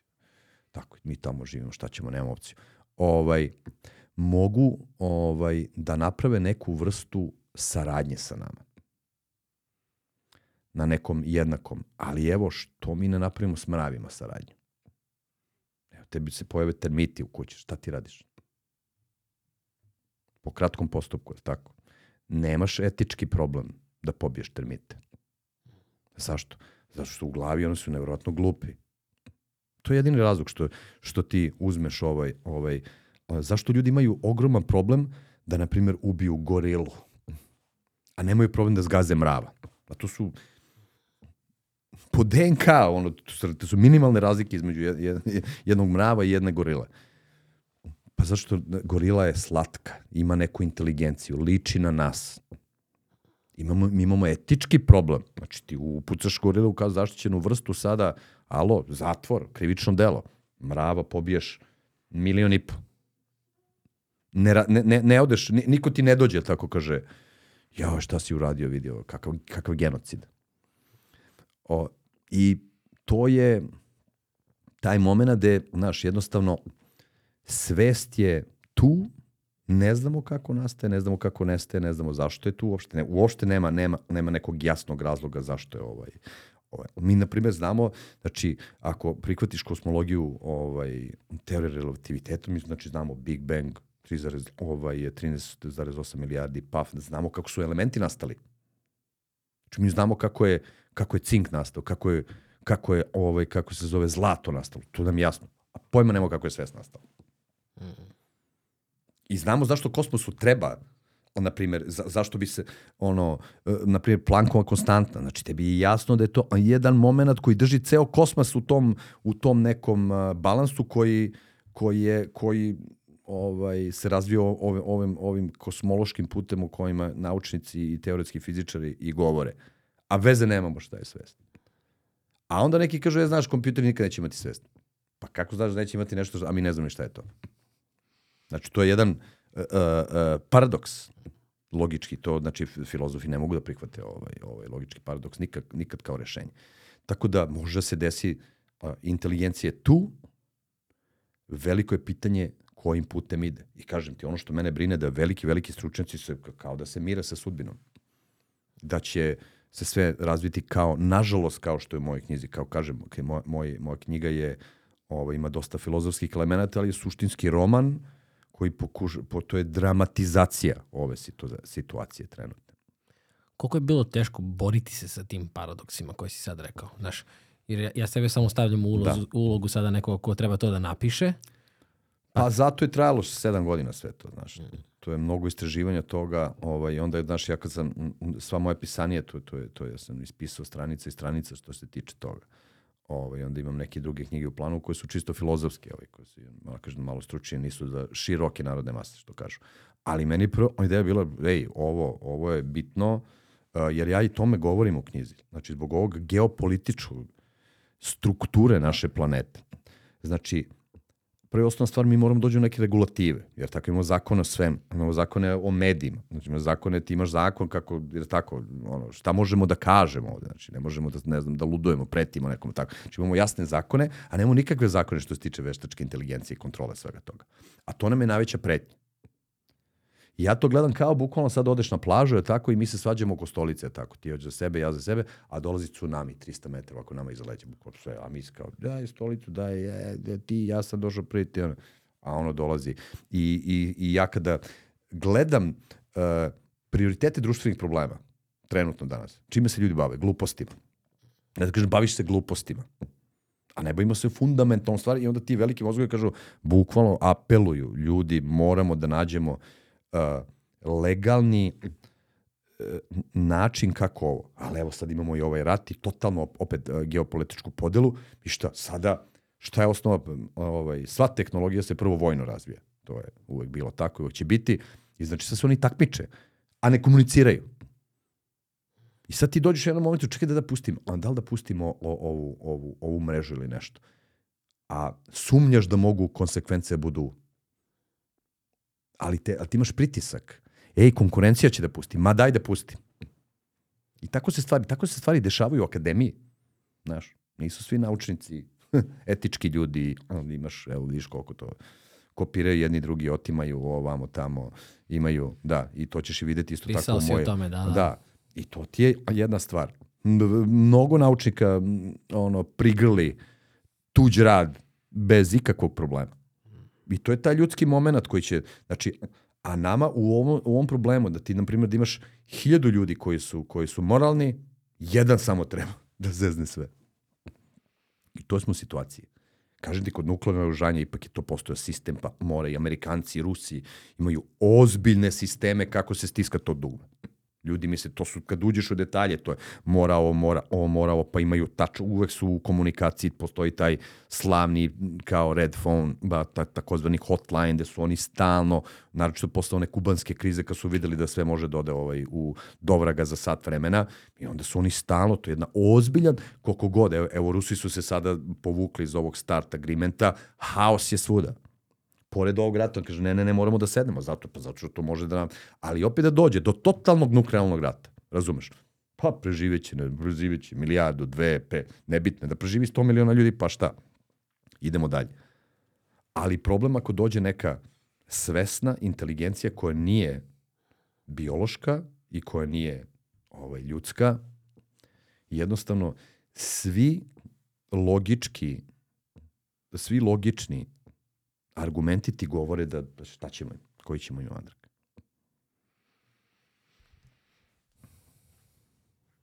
Koga misliš da je koincidencija? Zabavna tema. Da, da, ne, ovo je onako, mm, znaš, Tera na razmišljanje. tera na razmišljanje, da. znaš. Da. I onako malo i ljuti, zato što Da, ti naravno. sada spominješ ono kao mi nemamo zaista pravi problem, te o, o, u knjizi si o, o, na neki optimističan način, barem u ovom uvodu, ujedinio ovo o čemu sada pričaš, uh, ujedinio neke različite nacije. Da. Neću, da, neću da otkrivam mnogo, zato što je zaista jako je onako Da, da, da. knjiga... Pa jedino to može da nas ujedini. Skapiraš da je to Da. jedina stvar koja može ceo sve da ujedini je to. Pa kad se Srbi ujedine? Kad nas napadne neko. Da. Došlo NATO bombardanje, svi su ujedinili. Kad se ujedine Ukrajinci? Kad ih neko napadne? Napali ih Rusi. Kad će ljudski rod da se ne, ujedini? Kad nas napadne neko drugi. zajednički neprijatelj. Zajednički ne. Ali vidiš recimo, a, ljudi ukazuju na neke zajedničke neprijatelje. Ti imaš sada od, ne znam, globalnog zagrevanja do... Ma nije, to je sve kikiriki. Ovih Pa ne leze, zagreje se sve Nebitno, da. i umre pola nas. Ma kaki pola? Ljudski mozak takvog, ma bit će pola nas. Nije to, to je, to je, to je smešna priča. To je smešna priča. Evo, globalno zagreje, nek bude sve onako najcrnji, najcrnji scenarij. Umreće pola čovečanstva. Ok, imaš dalje 4 milijarde, jaka stvar. Pre 500 godina nas nije bilo ni, ni približno toliko. Mislim, ja to neka surovo gledam brojčano, ali to je tako. Ali ovde je prvi put pretnja da je ono bukvalno može neko sistemski da odluči. Danas nema, kao što nema, znaš, nema, znaš koliko mr, vrsta je odm, odmrlo, zna, jako je to, mislim, 92%. To Da. sam pre neki dan pročitao. hvala Bogu, znači, s, znači tokom vremena je na, najveći broj bioloških vrsta na planeti Zemlji izumrao. Gomila je izumrla zbog homo sapiens. Nisu svi. Ve, velika većina jednostavno tako ide. Evolucija ide, više nisu prilagođeni. Ćao, odoše, dinosaurusa nema. Kaže moj jedan drugar Srđan, kaže, uh, mi smo iz homo sapiensa prešli u homo destruktora. Da, Samo da, da, uništavamo. Pa da, da, da. Pa zato što je, razumeš, za, za većinu, zato što se, kažem ti, mi smo životinje koje su ubačene u taj civilizacijski kontekst koji mi neminovno moramo da prihvatimo kao pozitivan.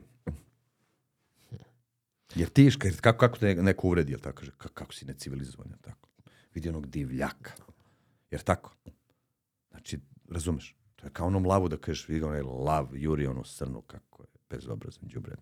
Ovaj, I onda kaže ti, mene to uvek, uvek, je, uvek, uvek me čudio taj moment, znaš, zašto?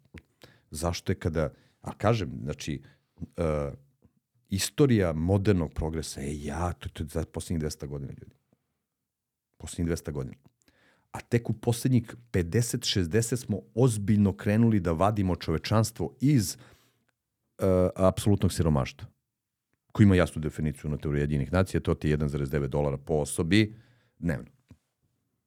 Znači, te, mi smo došli do toga da je od bukvalno 94%, došli smo do 9% ljudi koji žive u apsolutnom siromaštvu. To isto tako, znaš, nekada iritira, to strašno je da neko živi u, u apsolutnom, zamisliti dete živi tako, da je pakao, to, to, to samo može mizeran i nesrećan. Ovaj, ali to je ogroman napredak sa 90 na 9. I bukvalno su Jedinjene nacije imale program da do 2030. totalno se reše ovoga ovog totalnog, apsolutnog siromaštva. Nažalost, desilo se sada ovaj geopolitički split. Koliko de- misliš da je to slučajnost? Pa sve je slučajnost kod ljudi, to, to, to su gluposti. To su gluposti.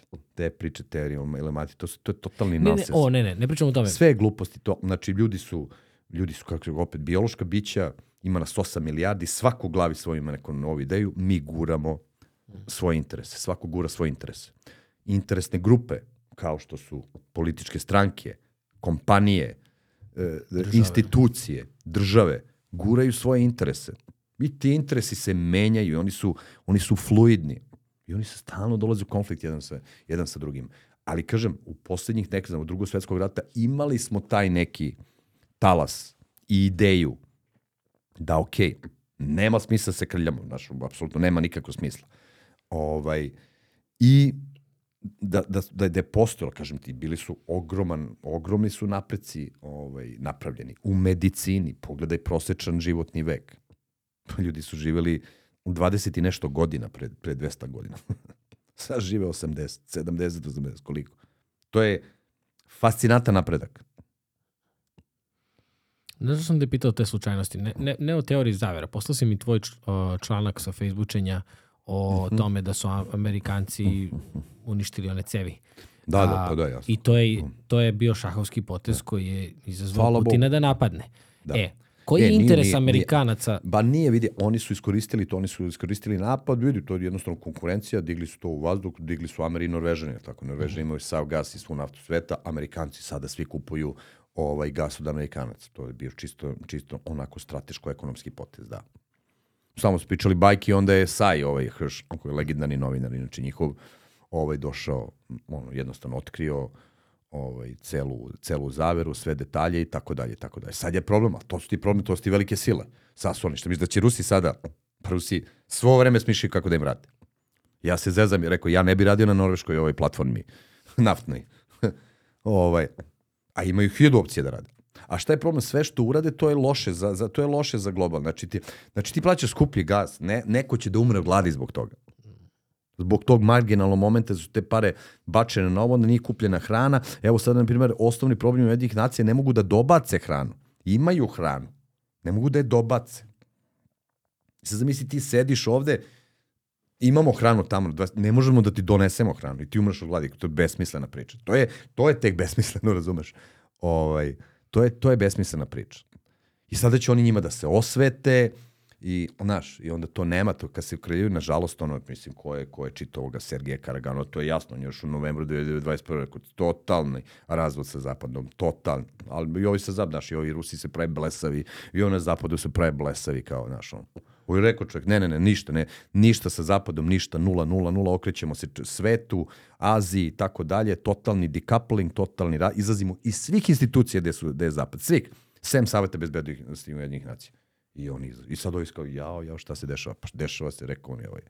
A on je inače ono, predsjednik upravnog odbora tog njihovog saveta za, za ovaj, foreign relations. Da. Da, ali mi imamo tendenciju da posmatraš zapad kao ceo svet, a ti imaš Indiju, imaš Kinu. Ne, ne, to se promenilo, ba to je glupost više. Jel to da? je bilo tako, to je, mislim, evo ja sam napisao taj članak, mislim, ono, uh, problem njihov, mislim, ovaj Putin, šta god misli o njemu, on je briljantan političar. On je strateški uradio tačno kad je trebalo.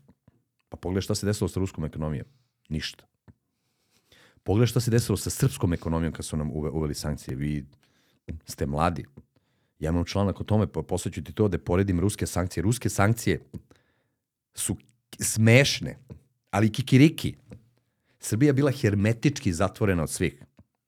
Naš BDP je pao 50%. Tebi kad padne po... Tako i Biden rekao, sad će Rusija na pola da se prepolovi. Tebi kad se prepolovi BDP, znaš šta je to? To nema posla, nula. Tebi samo funkcionišu na tih pola, to su ti one automatske stvari. Ovo je prebacio ovome, ovo je prebacio za Telekom, ovo je prebacio za putarinu i tako dalje. Znači, to je kataklizma. Pa kod nas je 93. godine ova, inflacija bila 19.733%. U Rusiji ista kao u Evropi. Rublja se nije pomerila, dinar, se, dinar je nestao preko noći. Tako je sloba i opljačko moje roditelji i ostatak ljudi. Tako što ih je, aha, prebacite u, u marke, odnesite one prevarantske banke i onda samo im ukro sve pare. Znači, to su bile sankcije. Ovo sankcije, pa, halo pa, oni trguju s Kinom, trguju, 400% je porasla trgovina između Indije i Kine. I Indije i Rusije. I ovi odu tamo u Indiju, vi morate ovi baš napolje. Znači jednostavno, Zapad je izgubio moć. E, 93. godine Kina je bila 1,3% svetskog, svetske ekonomije. Ti kad si 1% svetske ekonomije, ok, tu si, kod da te nema. Uh, danas je Kina skoro 20%. Ona je sad po PPP prema Purchasing Power Parity je tu sa, tu sa Amerikom. Sa Amerikom, Ja da, sam da. pričao, ne dajte komunistima, ali tad je bilo prebaci proizvodnju. Sva, svi sa zapada, prebaci da se napravi ekstra dinar, da se napravi ekstra dolar, da, da, prebaci, prebaci, prebaci. Digo si ih na noge, napravio mega. I šta je meni problem? Mene najviše nervira što su Kinezi dokazali da komunisti mogu naprave uspešnu ekonomiju. Moje, moja najveća kritika uh, komunizma, pored to, toga što vešaju ljude za, za, za kikiriki, ovaj, je to što ne znaju ekonomiju da, da naprave. I onda odeš ono, u taj Jugoslavija, to, to, to je bilo taljiganje besmisleno. Isto je kod vam pričaju, ne znam ja kakve bajke, to su gluposti, bre, to, to je ekonomija i bila totalni nonsens, razumeš? Ono, e, kupovali smo farmerke u, u Trstu. Nismo farmerke mogli pristojne napravimo, razumeš? To sve, je, pa ja kažem kad je bila toliko dobro, daj mi jedan brend iz Jugoslavije kad odeš po svetu. Daj mi jedan. Ima jedan. Znaš koji je? Elanski je. iz Slovenije. To je jedini brend globalni iz te zemlje. To je glupost i mene nervira zašto su Kinezi dokazali da mogu i to bolje. Rastu 6, 7, 8%. Znači to je najveći ekonomski rast u istoriji čovečanstva. I onda znači imaš nešto što se zove ono Washington konsensus. Šta je Washington konsensus? To ti je sistem ekonomsko-društvenih vrednosti koji gora zapad. I to se u, u da kažem, u, u političkim naukama tako zove. 2004. godine jedan, jedan ovaj lik je napisao paper Beijing, konsen, Beijing pekinški konsen, konsenzus. Uh, gde je predložio da jednostavno Kina nudi ostatku sveta novi model. Ovaj, novi model set vrednosti ekonomsko-društvenih. I Kina pobeđuje u tom.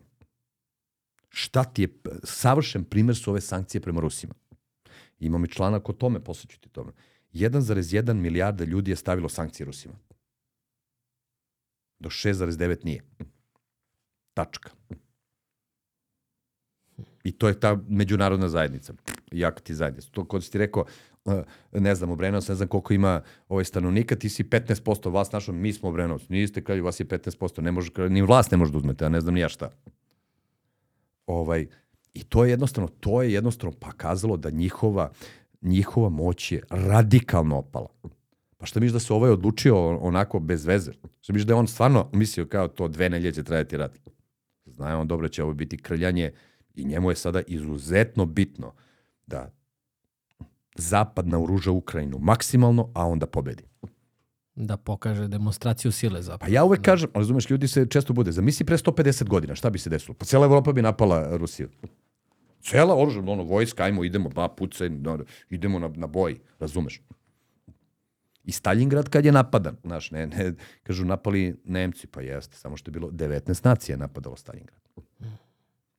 Kod I nas, pamte ima, ovi. kod nas ima ona izraza, nećeš na Rusiju, znaš. Tako Pa da, vidi, jednostavno razumem, a jednostavno ovo je, mislim, to sad mislim surovo, rat kao rat, to je pakao jedan, ali ovo je njegov potez i, izuzetno dobro iskalkulisan potez. Ko, kogo god, ono, propaganda i jedna i druga laprdala gluposti o ovome ili onome, ovo je jedan potez i vidiš Kina sad. Kako Kina lepo sedi, a?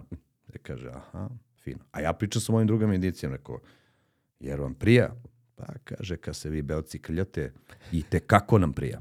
Pa da, ja znam, ja znam dosta nacionalista, baš iz Modijeve stranke u Indiji. Kaže, naravno, to su ljudi koji preziru belce. Na primjer, konkretno Engleze, pa, a daš kako staviš ih, oni isto tako, većina tamo naroda stavlja sve đuture. Nema više tamo mnogo tih poltrona, uvlakača, ovaj, Englezima, ono, u dupe i tako dalje. To su sad, ljudi neće čuju, bre, ni za- I onda kaže, kako nije? Pa evo, slušaj, prati malo, prati malo kako, kako, kako Indija, kako indijske vesti prate rat. u Sad hoću da ti kažem za Da, da, da. vesti u Americi koji predstavljaju kao da je Rusija ono, na kolenima, a ti mi sad daješ potpuno druge informacije. Prati, prati indijske vesti. Prati malo indijske vesti. Koje što je jedno osim neutralno. A glavni stav im je, vidi ove debile, nek se poubijaju. To i zaslužuju. A ne gledaju oni to Rusi, Ukrajinci, oni to gledaju Belci, bre, Albert, koji su nas 300 godina ovde maltretirali na razne načine. Kad Tako kažeš da Rusi i totalno to- Ukrajinci, da. koji je to zapravo rat? Rusi i Amerika, Rusi i Amerika, Norveška, Nemačka, lupam To ti je sada. sve baš onako kako jeste. Rusi, Rusi ne žele ovaj, da im se zapad približi na taj način. Jednostavno hoće tu buffer, buffer zonu. U tom delu Ukrajine živi rusko stanovništvo. Pa zato mi je čudno. I to ti je jednostavno tako. Pa 20%, znači Ukrajini su ti jednostavno Rusi proruski orijentisani. I to je taj deo, tu oni žive. I znači to su ogromni geopolitički interes. Donbas je 6% rezervi uglja. 6%, znaš šta je to? Donbas, kao što se bio oko Donbasa pa bez veze, onako, znaš, lepa livada. Što se ne, ono, ona, na, na ovom zapadu, Ukrajine, nema, nema ništa glavni moment je naravno more, izlaz na more i ceo taj pojas rudarski. Znači, jedan od, od najvećih centara uopšte rudarskih je, ovaj, kako se zove tu. A ugalj se troši samo tako. Duplo više nego pre 20 godina. Hoću te vratim samo još jednom na američku Može, može, da. politiku. Da. A, kad je Trump a, bio izabran, svi Mhm. u Americi su plakali kao da su izabrali mene za političara, da nikad Mhm. nisu čuli. Međutim, ovaj, sad, su, sad kad je uh, Biden došao, Da. Uh, poka, ono, mislim, ovo delo je, mi smo mislili da onaj Beli Preletačević bio kod nas smešan lik, ne znam da si to Da, ispratio. da, da, jesam. Znaš, da, taj, taj da. lik iz bajke, ono, Da. povećat ću planine i napravit ću more od jezera. Jest. Ovaj, međutim, ovaj Biden im je, ono, baš je, baš je čarobnjak, znaš, ono, baš je onako smešanje. Da. I šta misliš, prvo pitanje za tebe, šta misliš, što su oni toliko mrzeli Trumpa, koji je kao neki biznismen došao bez nekog velikog interesa, znaš, ne može da ga potkupi, šta ćeš da mu daš više? E, Pa Trump nije deo političkog establishmenta. Moraš da shvatiš, uh, svaki politički establishment ne trpi stara strana telo. Ne trpi strano telo. Znači ti ako hoćeš, da to ja kažem ljudima svi koji su u biznisu i u kulturi, tako ne može. Mora presečeš, kažeš ja sam političar od sutra. Ja biznismene kažem, hoćeš time da se baviš. Sve prodaj, sedi godinu dana, smišljaj, učlani se u stranku i postani političar. Političke grupacije ne trpe strana tela. I to je sasvim normalno. Kao što ti ne trpiš ovde sad ti dođe neko ti piče, e, znaš, ovaj podcast nećeš tako nego ovako, tako. Tako ni oni ne trpe to. I to je najveća iluzija, znaš, te, uh, ja se, evo sad, vidi, vidi, bili smo ovaj kolaps u Crnoj Gori sa ovom uh, vladom eksperata. Pa to je glupost. Da dovedeš na političku poziciju eksperte, pa to je mene stalno, ne, ja hoćeš u politiku, ma ne zanima. Mene da je zanimalo, kad brati se, ja bi imao političku stranku i to mega moćno. Razumeš? I išao bi od vrata do vrata, obrenucu, rekao zdravo, mi smo to, nama treba tako i tako dalje. Ovaj, to je totalno drugačije. E, gde ljudi, gde se ljudi gube? Misle da uh, će nekim stavovima, da će nekim postovima nešto da urade. Politička aktivnost je jedna muka tantalova. Znaš kako se dobijaju izbori? Tako što svakog tog glasača sretneš. Kako? Pa to je umetnost. Zašto su Amerikan, od demokrate i republikanci konstantna armija mladih ljudi? Ne, ne, naše vrednosti, ja, ovi su sranje, mi smo super, da, da, da, da, i tako dalje. Tako i ovi kod nas. SNS stalno kuca ljudima na vrat, jer kukaju ljudi kako im kuca na vrat. Pa to je no, osnovni modus operandi, bre. To je osnovni. To što ti izađeš na televiziju, bla, bla, trućo, TV, ma to je sve nonsens. Meni stavi ljude ovako u publici. Ja ću 98% da ih ubedim u šta hoćeš. U šta hoćeš? Evo, budem demokrat, može, sve, tam nikak problem. Prebacim ih na ovu stranu. O, ovaj, republikanac, odmah ih prebacim na tu stranu. Sediš, ljudi vole pažnju. I ljudi vole, vole da kažu, bio mi je pomoćnik ministra. Jebate se, jeba, znaš kada je to. I da sam razumeo neke stvari. Ali on sede bre, glalo bre, t, t, t, t. To su spiskovi, telefoni, kucanje vrata, dođi do ovoga, dođi do ovoga, dođi do onoga. I onda ti ovaj zakuka treba ovo, treba ovo, treba onda ti kao tu nešto pomažeš i tako dalje i tako dalje. Politički političar, biti političar je muka jedna tantalo. to ljudi uopšte ne, ne kontaju. Ljudi sve misle je to nešto fenomen, to je glupo, to, to je nonsens. I sve to uradiš samo, i ovaj te, brate, izglasujte, ćao, pometnem te i onda ti sledeći to koliko god nisi na vlasti, depresija, pa kao ovo, nešto je sa sobom, razumeš? Ako si profesionalni političar. Šta je onda sa Trumpom bilo ovaj, kad je su... jednostavno nije deo političkog establishmenta. To da ti uđeš, da kao tank, ja ću da, ono, to ljudi vole da čuju. Ja nisam političar, ja ću sve da, kaki bre. Pa oni te birokratski skrljaju. Kapiraš? On tebi, aha, de papir, de ovo, de institucija, zovi ovog, daj služba, daj ovo, daj ono. Oni te tako skrljaju. I ne, te on, ne znam, ubiju ovo, nego samo te napraviti hiljadu prepreka, razumiješ, te možeš se baviš svojim poslom, razumiješ. Zamisli tebi sad, sad evo struju ti isključe, paf, šta sad, ajmo sutra vlado ponovo, tako. Pa onda do, dođe sledeći put, e, ne može kao, ne znam nija šta sledeća stvar. Uradili ti ovo. E, mi, on te pozove, ja, moramo tamo, naš, moramo na miting, ovo. Ne možeš da posao, čoveče. Misliš da će da pobedi ponovo? Pa vidi, Trump se definitivno, Trump je u međuvremenu postao, uh, postao političar. I to se promenilo. Nije više taj, ono, uh, kako se zove, zašto oni svakoga ko ne dođe iz političkog establishmenta proglase za djavola? A svuda, svuda. Tako da je Milan Panić ovde kad je bilo to, u to vreme slobe, a to je odba bilo, a on je biznismen, a prevarant, ovo, ono, a, ne može on u politiku odba, pa ko, pa to sve oni pakuju. No, oni, njihovi novinari, njihove vesti, njihove mediji, tako dalje, i tako dalje. Znači, jednostavno, mislim, dobro, i Trump je ludak jedan, on jeste ludak, on onako lupi do gomilu gluposti, ovaj, i to jedan deo naroda voli da čuje, ali dobar deo ozbiljnih ljudi ne voli ludake.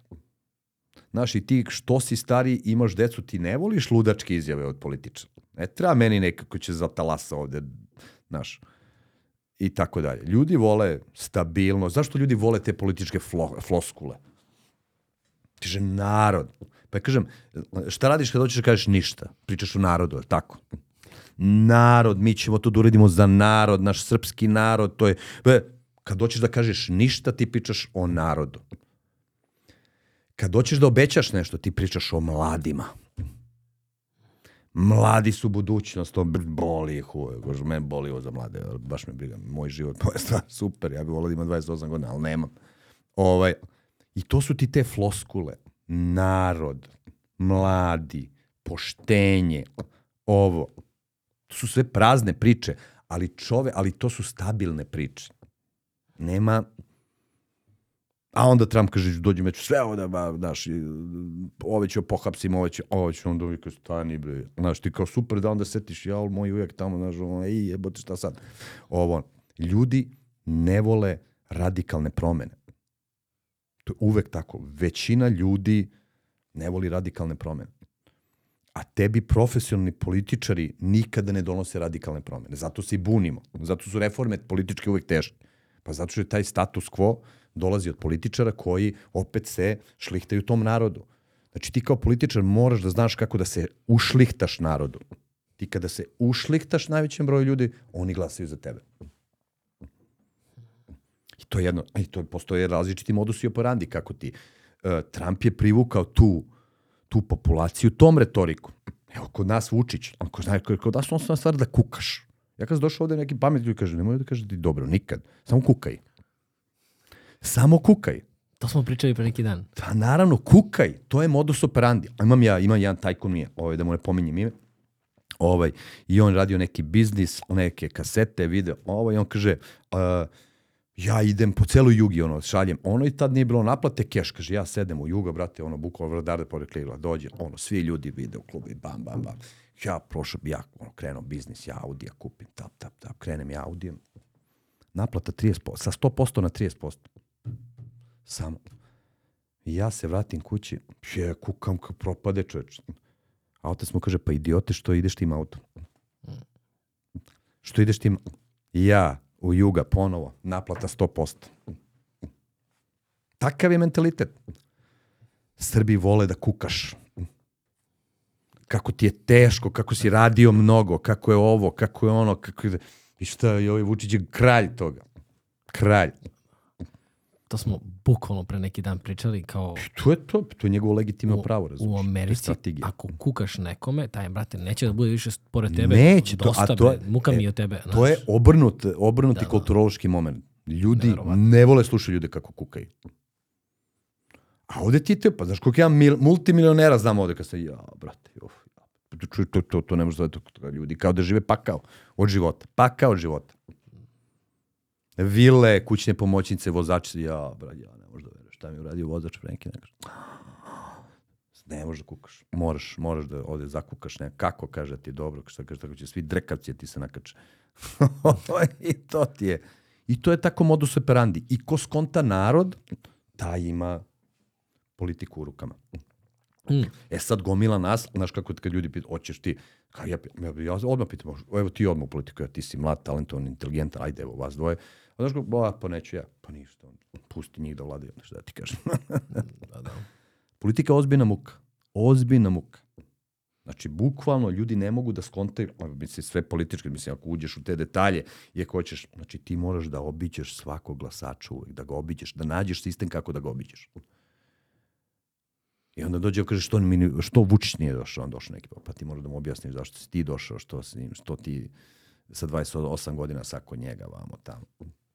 I onda ja, ja znam, na primjer, ovi e, neki što su išli, i sad naravno, za koju bilo stranku ti zakucaš nekom vrata, neki ljudi ono, ma, neki ljudi agresivni bre, batine ne dobiješ čoveče.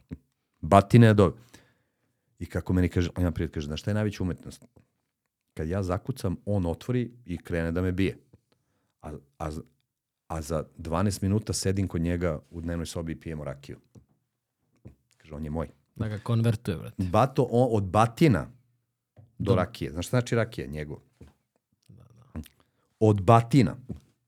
E, to su politički umetnici. I ti moraš takvu ekipu. A tebi, na primjer, za Srbiju treba takvih, ti treba? Treba ti 500 takvih. I onda oni da imaju svoje kapelo. Na to, to, to, muka napriti, već si lud. Ne znam, za mene je politika kao, mora stvarno da budeš neki onako, ne, da, da, ne, da ne uživaš u nečemu što voliš da radiš, znaš, da ne znaš šta voliš da radiš, pa ajde, tu, A ljudi vole to da rade. vole Znaš, možda ljude, znaš, ljudi osjećaj. vole da igraju futbal, neki vole ljudi da budu IT inženjeri, neko voli da piše knjige. Imaju ljudi, ljudi imaš koji imaju strast za politiku. I oni jesu spremni da prave takve žrtve, znaš. Da idu da lepe plakate, da ovo, da ono, da da sede u, u besmislenim pričama do, do zore i tako dalje, tako dalje. Oko najveće gluposti i tako. I to je to. I onda ti možeš budeš spreman na to. I onda je problem kada ljudi van tog konteksta uđu u to, oni bi sve to drugačije. da, dođeš kod te u menu firmu, ti bi sve drugačije. Kada daš ga gazduje firmi. Ja. Ovako ili vrate. I to ti je tako. I onda redko, redko kada ljudi, uh, zato ti te, pa nema to svaka ekspertska vlada ikada propala. Evo ti u Crnoj Gori, katastrofa. Evo je Spajić na da ovim, ovim našli, da, naravno. Političari be pokvareni. Pa znaš zašto su mu poslali ono, ono iz Srbije? Pa zato što su se ovi dogovorili politički, e, pusti ovome. Najveća fora je, dali su potvrdu ovo, ovaj praznik koji je bio ovaj, sretenje. Sretenje, da? Dali su mu potvrdu na dan sretenja. Kad, nikad, kad ni jedna institucija ne radi u Srbiji. Pa zašto to policija, bratski, daj mi to da ga... za- Da mu mi pokažemo kako će on se bavi politikom.